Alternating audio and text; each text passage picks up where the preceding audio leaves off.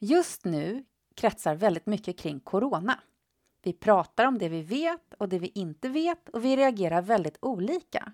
Somliga tycker att det är storm i ett vattenglas och andra tycker inte att vi tar det på tillräckligt stort allvar. Däremot verkar nästan alla tycka att det är motiverat att handla väldigt mycket toalettpapper. Pandemi är ett rätt vackert ord tycker jag. Men också ett ord som väcker känslor och ändrar beteenden. Jag har exempelvis förvandlats till värsta preppen. I alla fall så trodde jag det tills jag hamnade i kassakön bakom ett par som det tog närmare 10 minuter för i kassan att ta sig från första pastapaketet till sista äggkartongen. Pandemi, vad tusan är det egentligen som händer?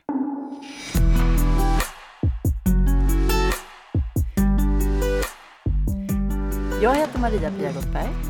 Jag heter Anna Eriksson Skarin och du lyssnar på Känslosmart, podden där tanken möter känslan.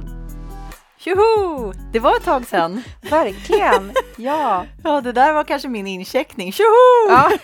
Jag är Känns taggad, laddad. Ja, Ja. absolut. Vi har redan hällt upp te här så vi kastar oss rätt in i incheckningen. och vi tänkte jag. började ju prata om dagens ämne bara helt spontant för att just nu så verkar det vara så, ja men det är det folk pratar om. Ja, om ehm, så förhoppningsvis om du lyssnar på det här våren 2021 eller 2053 du som har överlevt. Ja, eh, så förhoppningsvis så tänker du så här, ah men gud vad tråkigt, jag orkar inte med det här. Men det kan ju vara så här att Vill att du att de finns... ska tänka det? Förhoppningsvis. Jo, men förhoppningsvis så, så blåste det här över och det var ett litet gruskorn liksom på... Det vi inte vill är att, oh, herregud, eh, i mars 2020 då, då hade ni ingen aning om liksom, att katastrofen var så, så tätt inpå.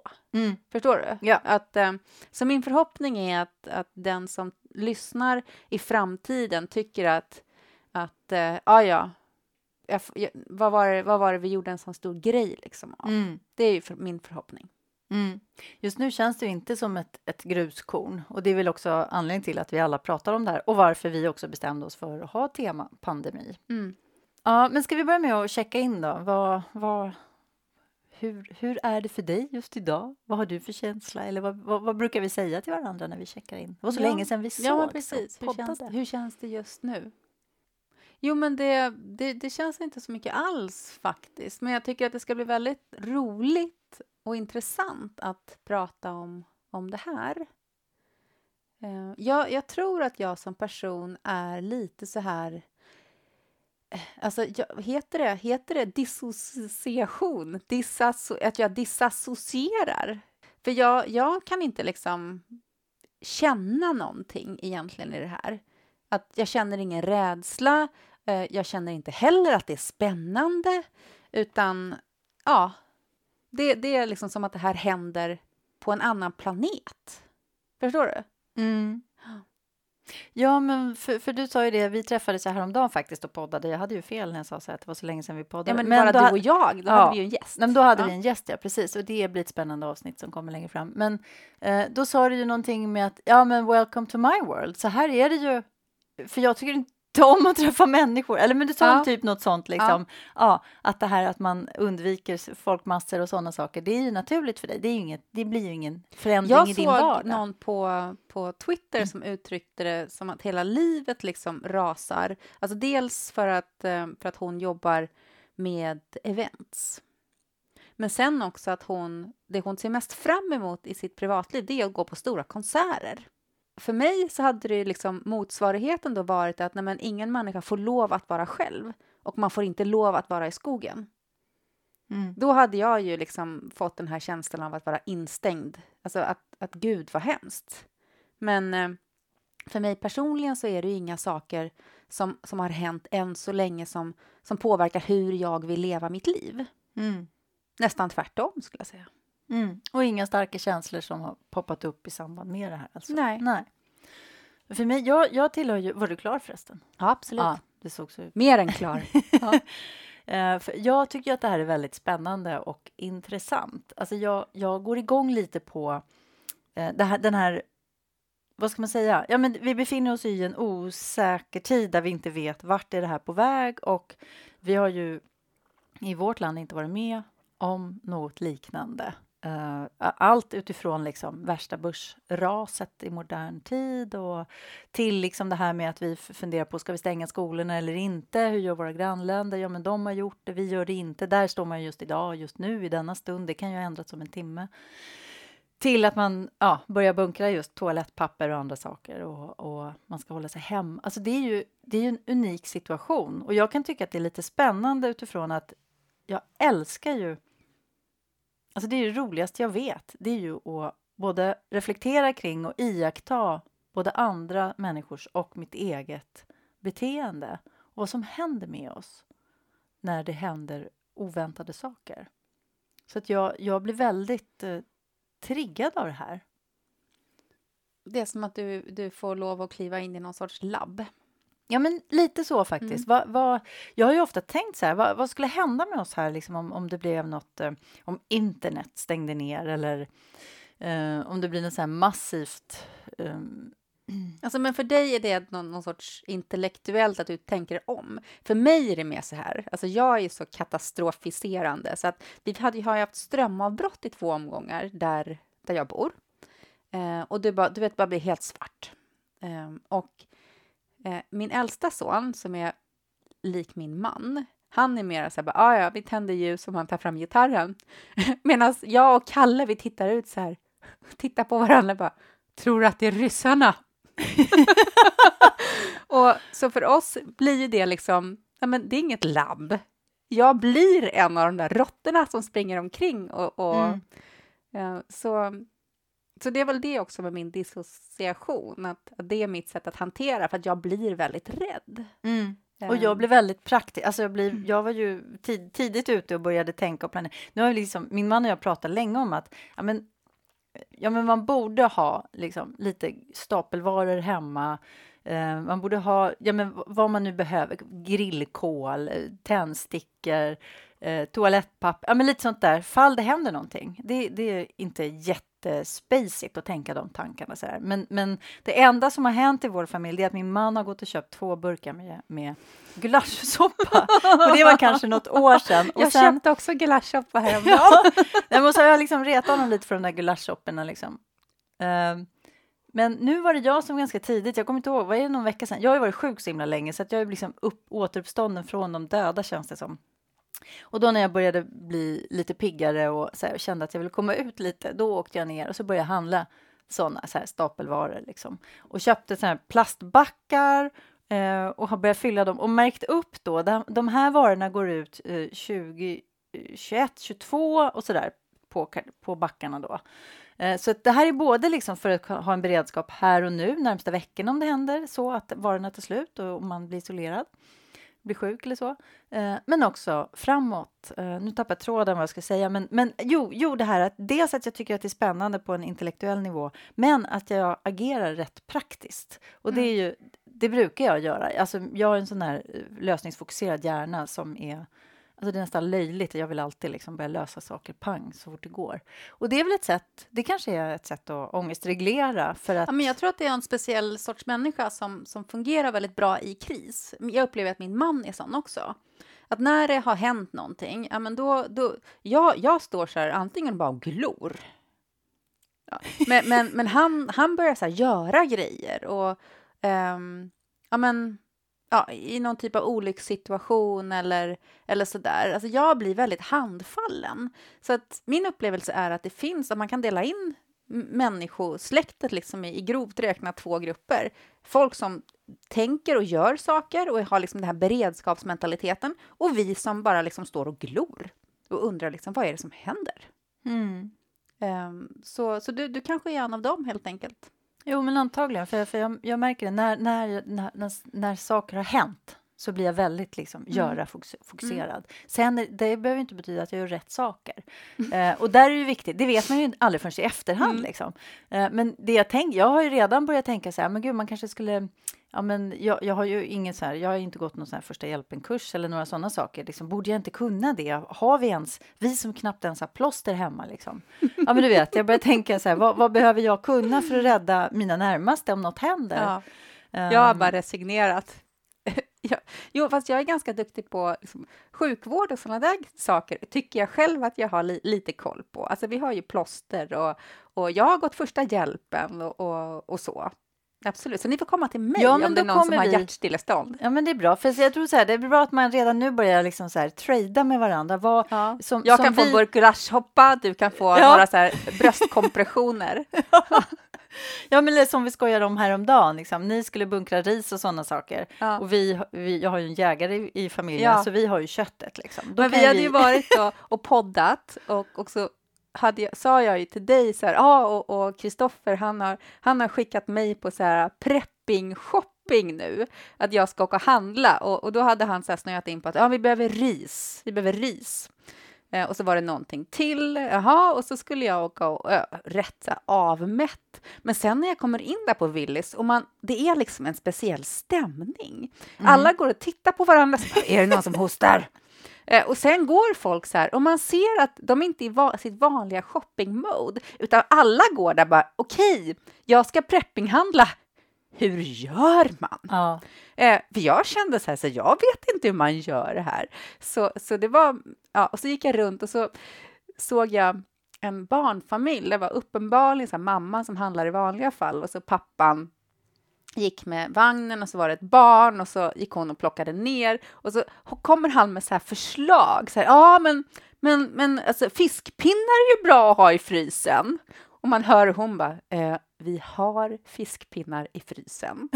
så han försöker vara så här, du vet, hjälpsam i den här preppingen och hon tycker att han är bara så här tragisk, du vet, som, ja, som inte har någon koll. Ja, och jag kan känna lite så med min man också faktiskt, för att det är jag som jag sköter maten hemma hos oss. Och sen nu ska han börja så här tala om för mig att ja, men vi behöver ris. Bara, Tror du jag är dum i huvudet eller?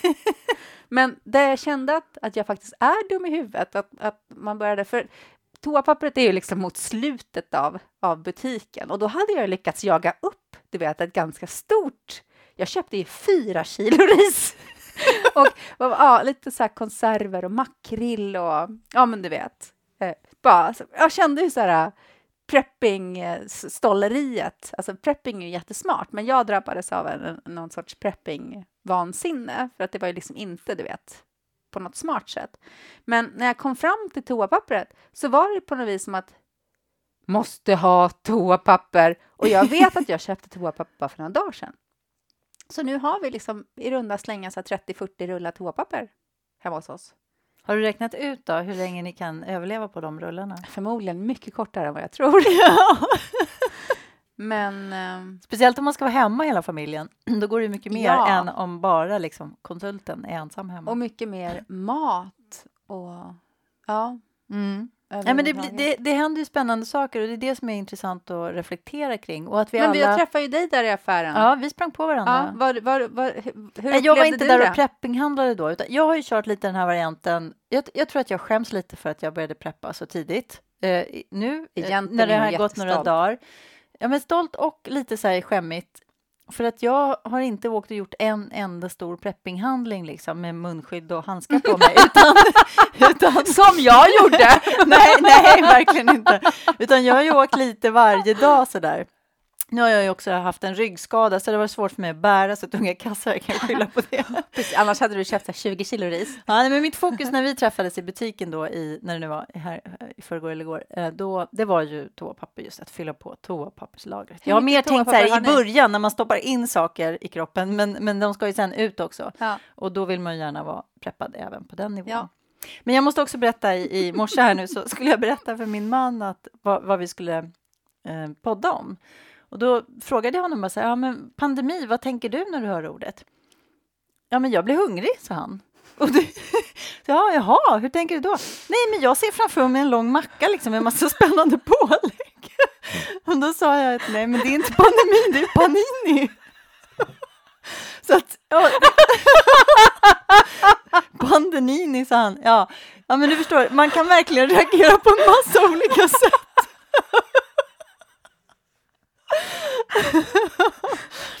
ja. Så att, och, och jag tänker då utifrån ett känslosmart liksom, perspektiv så är det ju, nu är du helt röd i ansiktet, får du luft? Mm. Nej, men utifrån ett känslosmart perspektiv då, att man Alltså att vara medveten om att alla slags beteenden, nu är vi liksom i början av någonting som vi inte vet var det tar vägen. Det mm. kan gå hur bra som helst och det, det kanske, vi kanske har varit i kulmen. Ja. Eh, eller så ja. blir det fullständig kaos i, i, i vården, eh, ja. för det är det man befarar. Och eh, det blir ekonomiska, många kommer gå i konkurs, ja men du vet massa problem. Men att vi kommer att reagera väldigt olika på det och det tänker jag är viktigt att ha med sig. Mm. Om det är någonting liksom som Ja. Men vi pratade om det tidigare, det här med... Eh, för, för visst, jag kan sitta här och skratta åt mitt eget preppande och, och så, men, men redan nu har, har ju det här liksom fått väldigt stora konsekvenser för väldigt många människor som, ja, men som driver egna företag eller som har små butiker eller besöksnäring eller kultur där det redan liksom är mm. katastrof alltså i, i deras liv där man har fått sin, sin, sin ekonomi och, och, och, verksamhet liksom vänd upp och ner. Mm. Och där jag sa att i, i, min firma så tror jag att jag har nog liksom en, en sex veckor eh, med mindre än att det här liksom kaoset lägger sig inom den tiden så tror jag att, att mina kunder börjar boka av. Mm. Eh, och då, ja, då är det inte så jävla muntert. Nej, Nej, och det kommer, vi, det kommer ju påverka oss. Mm. Alltså, det, vår ekonomi, vår inställning, vår, vår liksom, vårt behov av trygghet sätts ju i mm. gungning. Mm. Det är ju det som ytterst, vad det ytterst handlar om. Och för många innebär ju liksom Ja, men det här att inte veta är, är tillräckligt jobbigt. Men sen kommer det ju nästa steg då, där man faktiskt kanske går i konkurs med sitt företag. Jag menar, vi är ju båda egenföretagare så att det är inte omöjligt att det handlar, handlar om det framöver. Mm. Det har vi ju sett. Både i, i Kina är det ju många restaurangägare exempelvis som mm. har gått omkull och sådär. Och just det här att det är alltså verkligen pandemi. Det här är, är, rör inte lilla Stockholm bara, utan det är verkligen en, en global... Och att vi mm. påverkar... Alltså, påverkas av varandras sätt att handskas med den här krisen också. Jag tänker olika mm. länder, olika kontinenter. Och... Men det du var inne på kanske är det här att ha, att ha respekt för, för våra egna känslor inför vår egen rädsla och att också ha en respekt och ödmjukhet inför andras känslor. Och, mm. och jag tänker det också att en förståelse för att vi påverkas olika och att vi reagerar olika. Mm. Att, att det, det är liksom, jag, jag, ser en hel del av det här med att, att man gör sig lustig över människor som är oroliga. Va, vad tror du att det... Var, varför beter vi oss så? Alltså, ytterst så tror jag att det handlar om hur vi... alltså, långt tillbaka i vår egen uppväxt, alltså hur vi blir bemötta, vår egen oro, våra egna rädslor eh, där vi utvecklar olika strategier för att handskas med det. Jag har ganska nyligen fyllt på genom att gå en kurs i anknytningsteori Um, och det, det, gör ju att jag liksom tänker mycket kring, kring det här mönstret att, att skämta bort, att liksom, det är ju det här undvikande mönstret då inom anknytning. Man pratar om att kunna ha en trygg eller en otrygg anknytning. Och en strategi är ju att man, man utvecklar eh, självständighet eller skenbar självständighet därför att det var belönande för att då fick man liksom eh, uppmärksamhet och, och, och, stöd av sina föräldrar, att man upplevde att man fick det. Eh, och det, det, det kanske är liksom, ja, nu kanske jag är jätteprovocerande, liksom. men, men just det här att skämta om och, och, och, ställa sig lite utanför, att man är lite, lite coolare, lite bättre, lite så. Um, att det kan vara ett tecken på det. Det kanske är jättelångsökt att dra det så, men på riktigt så tror jag att det finns ja, såna Ja, men jag tror absolut det. Jag tror, jag tror ingen människa är dum mot någon annan från en sund plats. Förstår vad jag menar? Att när vi, när vi uppträder arrogant eller otrevligt eller gör oss lustiga över någon så tror jag att det bottnar i någonting hos oss själva som inte mm. är helt. Mm. Ja, men precis. Det finns ju eh, ett eh, inom NLP, då, neurolingvistisk programmering, där, där som ger liksom en, en ja, men där man jobbar med beteende, med kommunikation, med, med tillstånds, eh, liksom hur man kan reglera tillstånd och så, eh, ledarskap. Eh, där finns det ju ett, ett, ett, stort gäng grundantaganden som man har. Och ett av de grundantagandena är att det finns en ehm, eh, bakom allt beteende så finns en positiv intention. Och det kan ju vara alltså, en positiv intention, även om handlingen i sig inte är positiv på något vis för någon inblandad. Jag slår någon, det är inget positivt med det. Men en positiv intention kan ju vara att skydda mig själv bakom det. Eh, om man tänker så, liksom, eh, så Så, så en, en strategi att, att skoja med andra för att de verkar, ja men för att de springer och preppar medan jag själv håller mig jättecool och tycker att jag är lite bättre än dem eller, eller vill låta påskina att, att jag tycker att jag är det.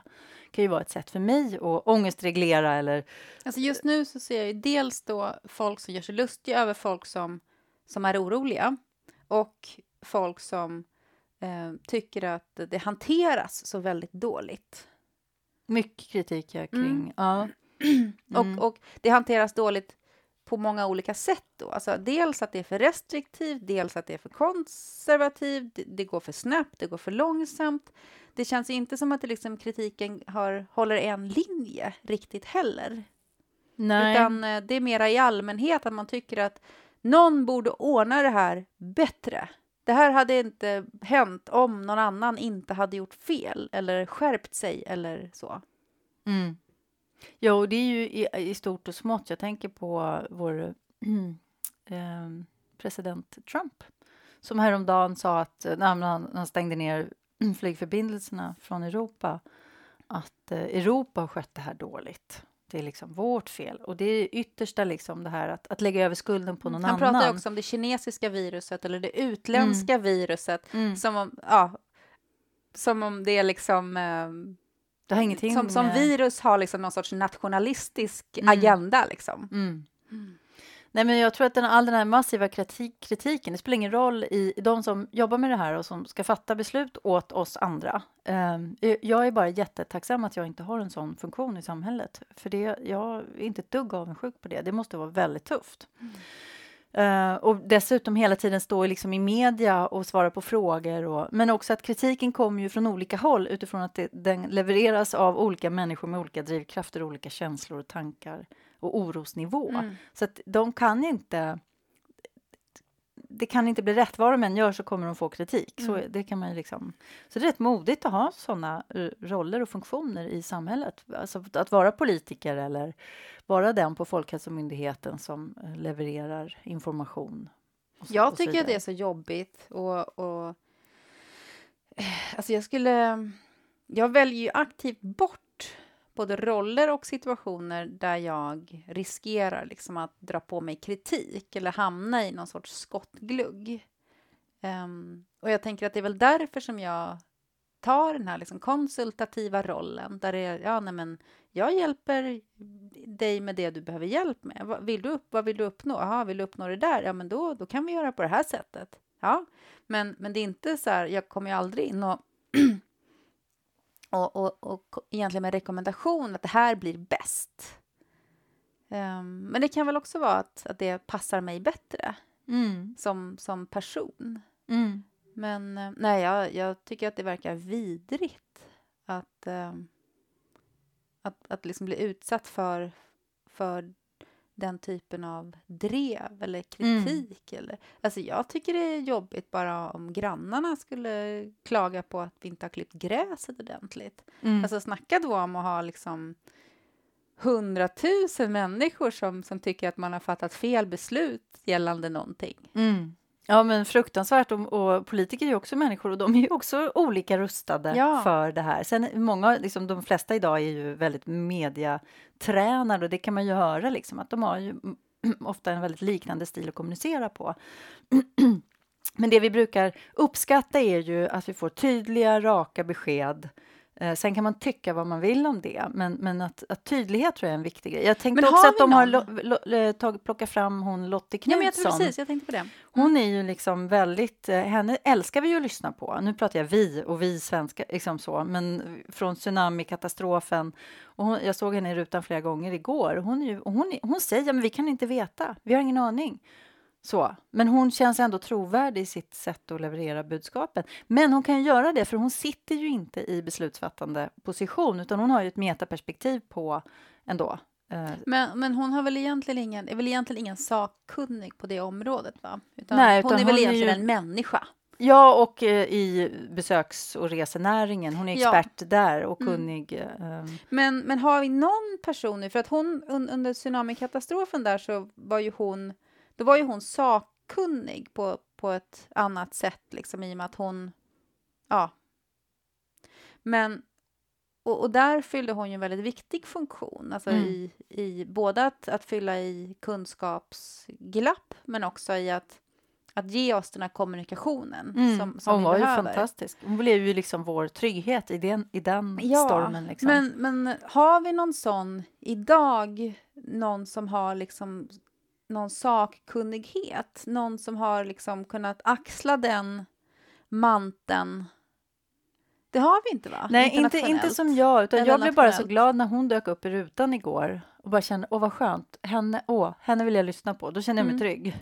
eh, och min man och jag reflekterar kring att s- statsministern, var är han? Jag, har Mm. inte, jag, har inte, jag har inte sett honom. Nu har inte Mm. jag sett all rapportering såklart. Eh, men han har varit väldigt Mm. osynlig. Där, där kan man ju ha liksom olika roller i när man är liksom ytterst. Men jag tänker efter Utöya-katastrofen så var, ju, var det Jens Stoltenberg han heter, han Mm. som var statsminister i Norge då. För det minns jag i alla fall att det, det var liksom ett väldigt kraftfullt ledarskap.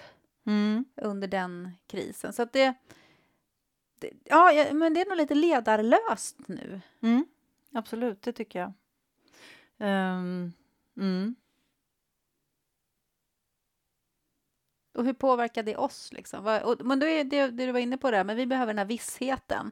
Vi behöver känna att ja, men, någonting håller oss i det här. Vi tar oss igenom. Mm. Och där tror jag att ehm, det, det som skapar mycket kritik är just att, att jag menar, de, de man har fått lyssna mest på, som jag upplever det, är ju Folkhälsomyndigheten och deras eh, försiktighet. Och, att de, och, så, och så ser vi kanske då och tycker att ja, men i Danmark, i Norge stänger man skolorna, varför gör inte vi det?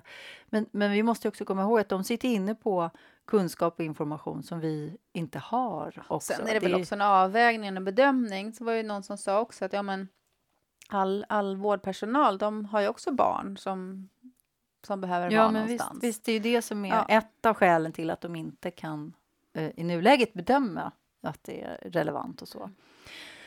Ja, men jag, jag tänker dels är det det här perspektivet, det här nationella perspektivet, det globala perspektivet eh, som är intressant, men också i sin egen närhet. Vilka har man omkring sig som är i riskgruppen? Jag skulle åka ner till min mamma och moster. Min moster är väldigt sjuk. Eh, de bor i Spanien. Eh, Skulle åka ner dit och nu ångrar jag varför åkte jag inte tidigare i vintras innan det här? ja, för nu är det inte läge att åka, eh, fick jag meddela min mamma idag. Eh, av olika skäl liksom. Men det är klart man tänker liksom på sina nära och kära som är i riskgrupp och jag har en dotter som är gravid, ska föda barn om tio veckor. Hur ser läget ut då? Då är jag jätteglad att eh, jag har en kompis som är barnmorska och så vidare. Alltså sådana här tankar som man annars normalt inte går runt och tänker börjar liksom Mm. poppa upp till ytan. Och det är ju ett tecken, alltså jag lade märke till, det första jag tänkte på när jag vaknade i morse, det var det här. Corona, pandemi. Mm. Och det är ju ett tecken på att det här ligger top of mind. Eh, Men också för att jag har tittat mer på, följt nyheterna mycket mer än vad jag gör i vanliga fall. Så, så att, eh, ja men, jag vet inte. Vad... Vet du vad jag kom på att jag var rädd för? Alltså vid svininfluensan så blev det ju en massvaccination där väldigt många faktiskt drabbades av narkolepsi som en konsekvens av den här vaccinationen. Mm. En, en eh, tragedi och en tragedi som har hanterats fruktansvärt dåligt eh, från myndighetshåll. Mm. Vi har ju som samhälle inte tagit något ansvar alls egentligen för de här stackars människorna som fick sina liv förstörda eller sina, sina nervsystem liksom sabbade. Mm. Ehm, och där, och det sa jag till Kristoffer häromdagen, att det, ja, men det jag, ehm, när jag, när jag, det som skulle kunna få mig att hamna i panik, det skulle ju vara att, att de um, ja, jäktar fram något vaccin och att det sen blir liksom vaccinationstvång. Att alla måste vaccinera sig. Det tror jag Eh. inte. Tror du det? Nej, men däremot så kan man ju bli indirekt tvingad. Ja, man får inte vara med i den här idrottsföreningen om man inte vaccinerar sig.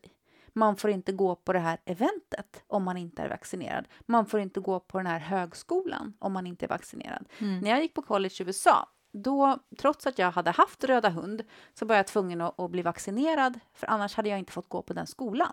Okej. Men hur gjorde ni då när det var den här fågelinfluensan? Vaccinerade ni er i familjen? Nej, nej, nej inte vi heller. men det, var, det var bara tur. Eh, för jag hade så jävla mycket på jobbet och, eh, och hann inte du vet, ta med barnen, tyckte jag.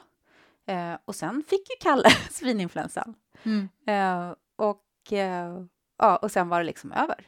Var det svininfluensa det hette? Eller fågelinfluensa? Jag blandade ihop dem där. Svininfluensan. Ja, det kanske Ja. var. Mm.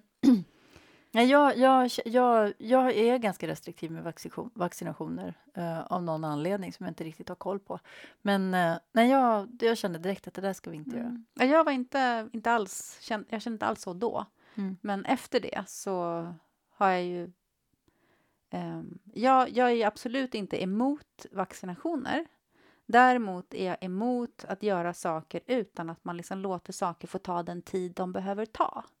Ehm, mina barn följer vaccinationsprogrammet och om vi ska åka bort någonstans så ja men absolut vaccinera och hepatit och allt vad det är. Men att, eh, att ta... Alltså för mig så är det inte en fråga det här om att, vac att vaccinera eller inte vaccinera utan det är en fråga om vilka vaccin tycker jag känns trygga. Mm. Exakt. Det tror jag är, är Mm. det är klokt. Det håller jag. Det är samma här.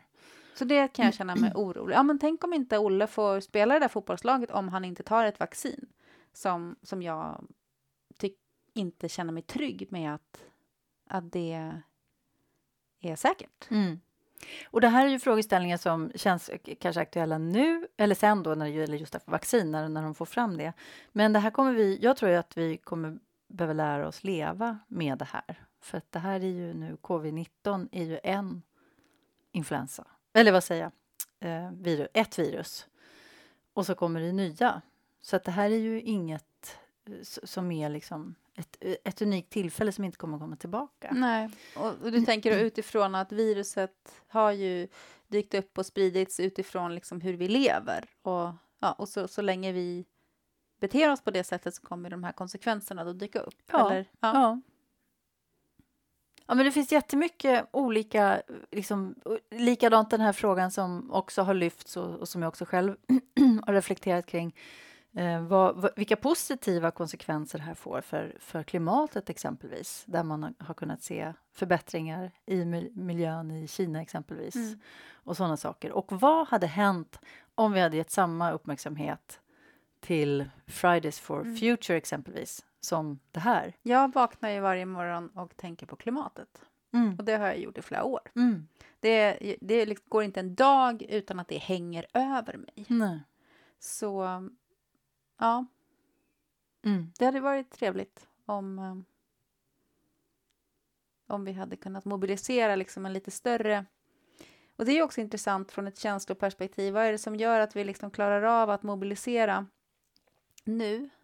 Men när det gäller klimatet så har vi liksom ingen förmåga alls. Mm. Ehm, Eller ingen förmåga ska vi inte säga, men inte samma massiva uppbåd samtidigt kan man säga. Nej, men, att man nästan kan säga ingen förmåga faktiskt. jo, men det finns ju man- ändå sakta, men, alltså sakta men säkert så sker ju ändå ett, ett uppvaknande och små justeringar i att man gör nya val. Det, det tycker jag att jag hör bara bland, bland eh, nätverken och sådär som, som jag själv befinner mig i, att människor ändå har börjat göra. Och sen åker de på semester till Malaga eller på två veckor till Thailand. Så att, ja men liksom i teorin så tänker Där jag tycker jag vi ska säga vi och inte dem. Så att, för att vi, du åker också på semester eh, och flyger. Jo, men jag, jag, jag säger inte att, att, det, att jag gör en massa saker eller att det förändras, utan Nej. att, att människor pratar om att ja, men alla de här sakerna förändras och sen gör man saker själv. Mm. Eh, Jag säger inte att saker förändras, jag säger att saker är egentligen som de har varit och att vi, att vi gör ingenting. Mm. Så det var mera den distinktionen. Jo. Nej, men där, där, där känner jag att jag, jag... Nej, men jag är både hoppfull där och väldigt pessimistisk. Och där kan jag ändå se att en sån här liksom, händelse kan få oss att ändå så här, du vet, skaka om lite grann och göra att vi, oj, på riktigt och särskilt sen de som jobbar då med att och, och mäta liksom förändringar i, i, i miljön och så där, kommer ju att, vi kommer ju få se sen att ja, men när, när de här flygbolagen gick i konkurs, vilket i, i sig kanske är en tragedi för alla som är anställda där och så vidare, alltså, så. men då blev de här förändringarna, eh, hur går vi vidare med den informationen, vad kan vi göra av det? Så att, liksom,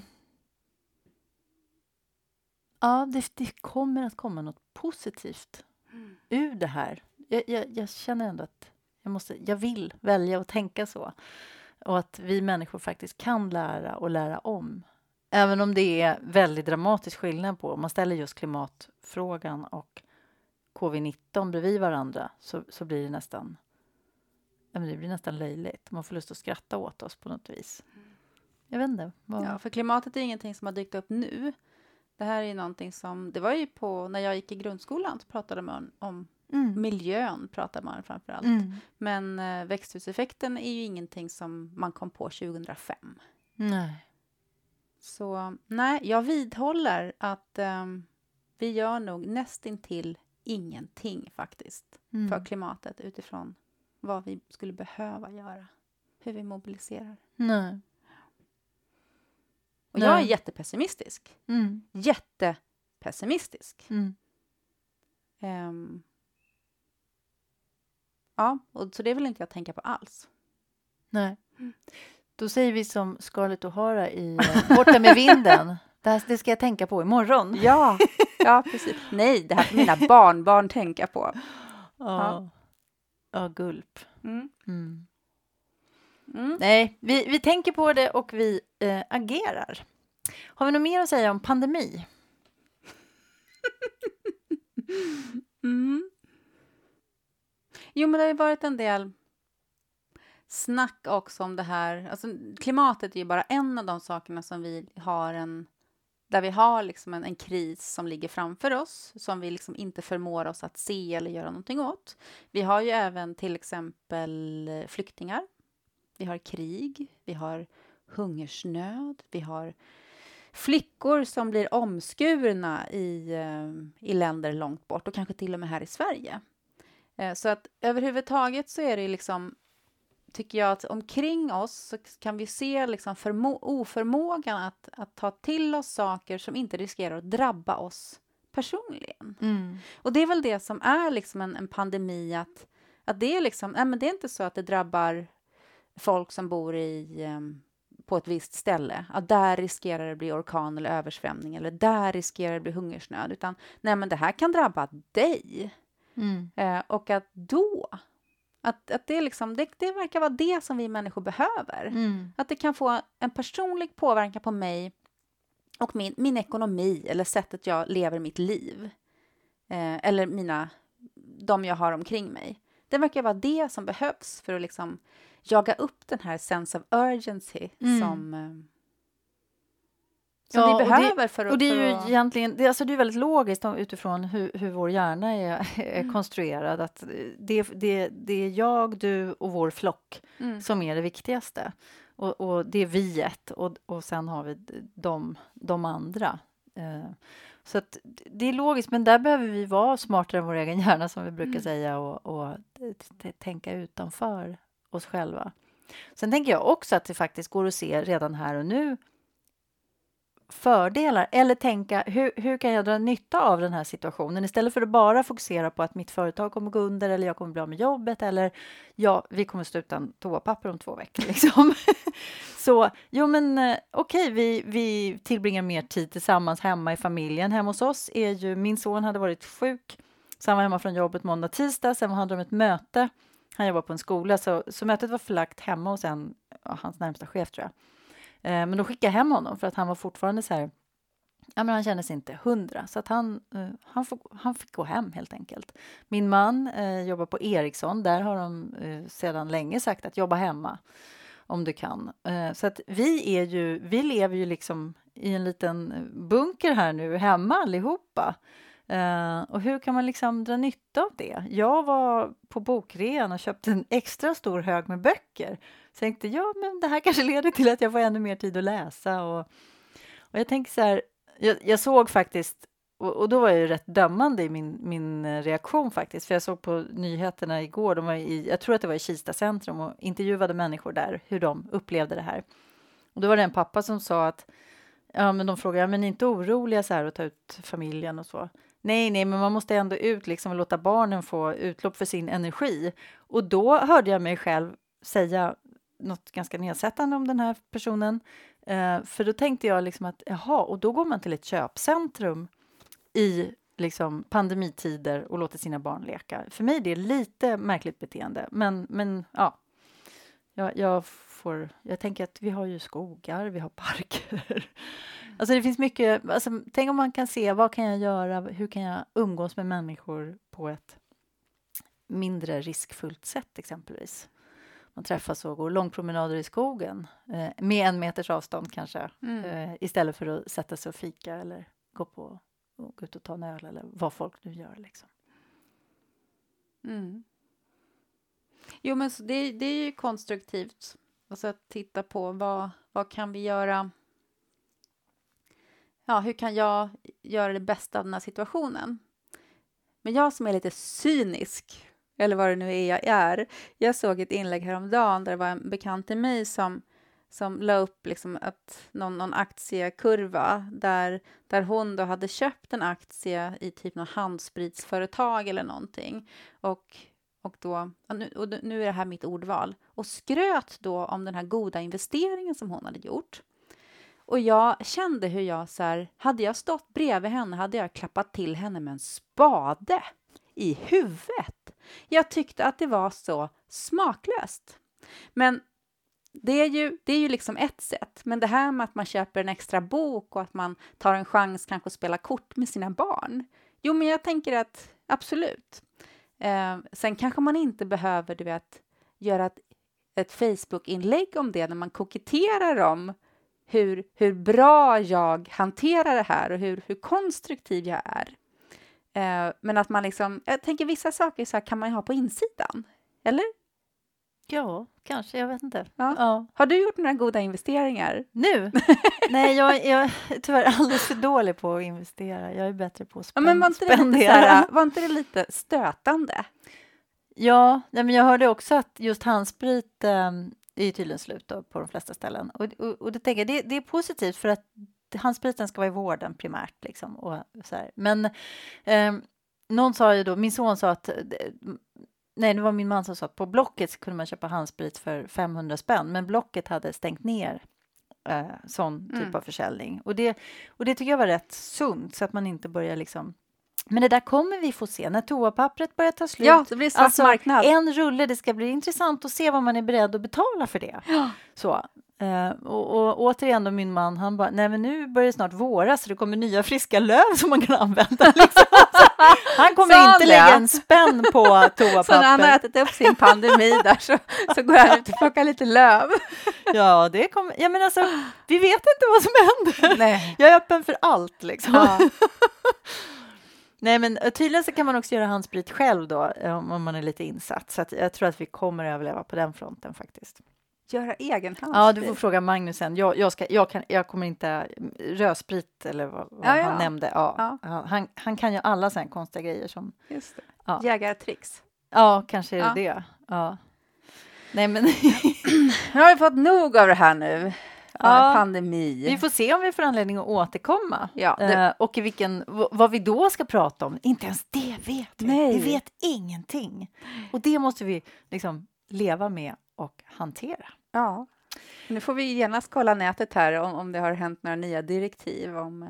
Ja, men precis. Mm. Men eh, ska vi avsluta med att säga liksom, vad, vad, liksom, vad, vad är du mest rädd för, Anna, nu kopplat till pandemi? Jo, men det är ju den här liksom, i tanken då, idén om massvaccination är ju det som ligger närmst.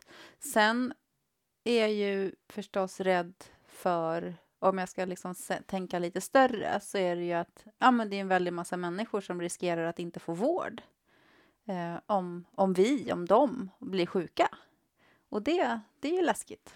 Mm. Ja, men så är det nog för mig också. Det, det är vårdsituationen, vad det leder till och om maten tar slut. Mm. om det inte går att gå och köpa sig en Panini. Är du mer rädd för att maten ska slut eller att toapappret tar slut? Nej, maten är värre. Ja, man kan ju Eh. spola av sig, tänker jag, i duschen. Ja, men precis. Eh, Exakt. Det finns, man får vara kreativ. Ja. ja, det löser sig. Bara det finns varmvatten. Ja, vad ska vi prata om nästa gång? Det har jag glömt. Pojkar. Vad behöver ja, pojkar? Ja, precis. Tror jag vi precis. skulle ha som tema. Ja, Det blir Mm. spännande. Precis. Utifrån då känslor då. då. Exakt. Mm. Ja, Ja, tack för idag. tack och hej. Hej då.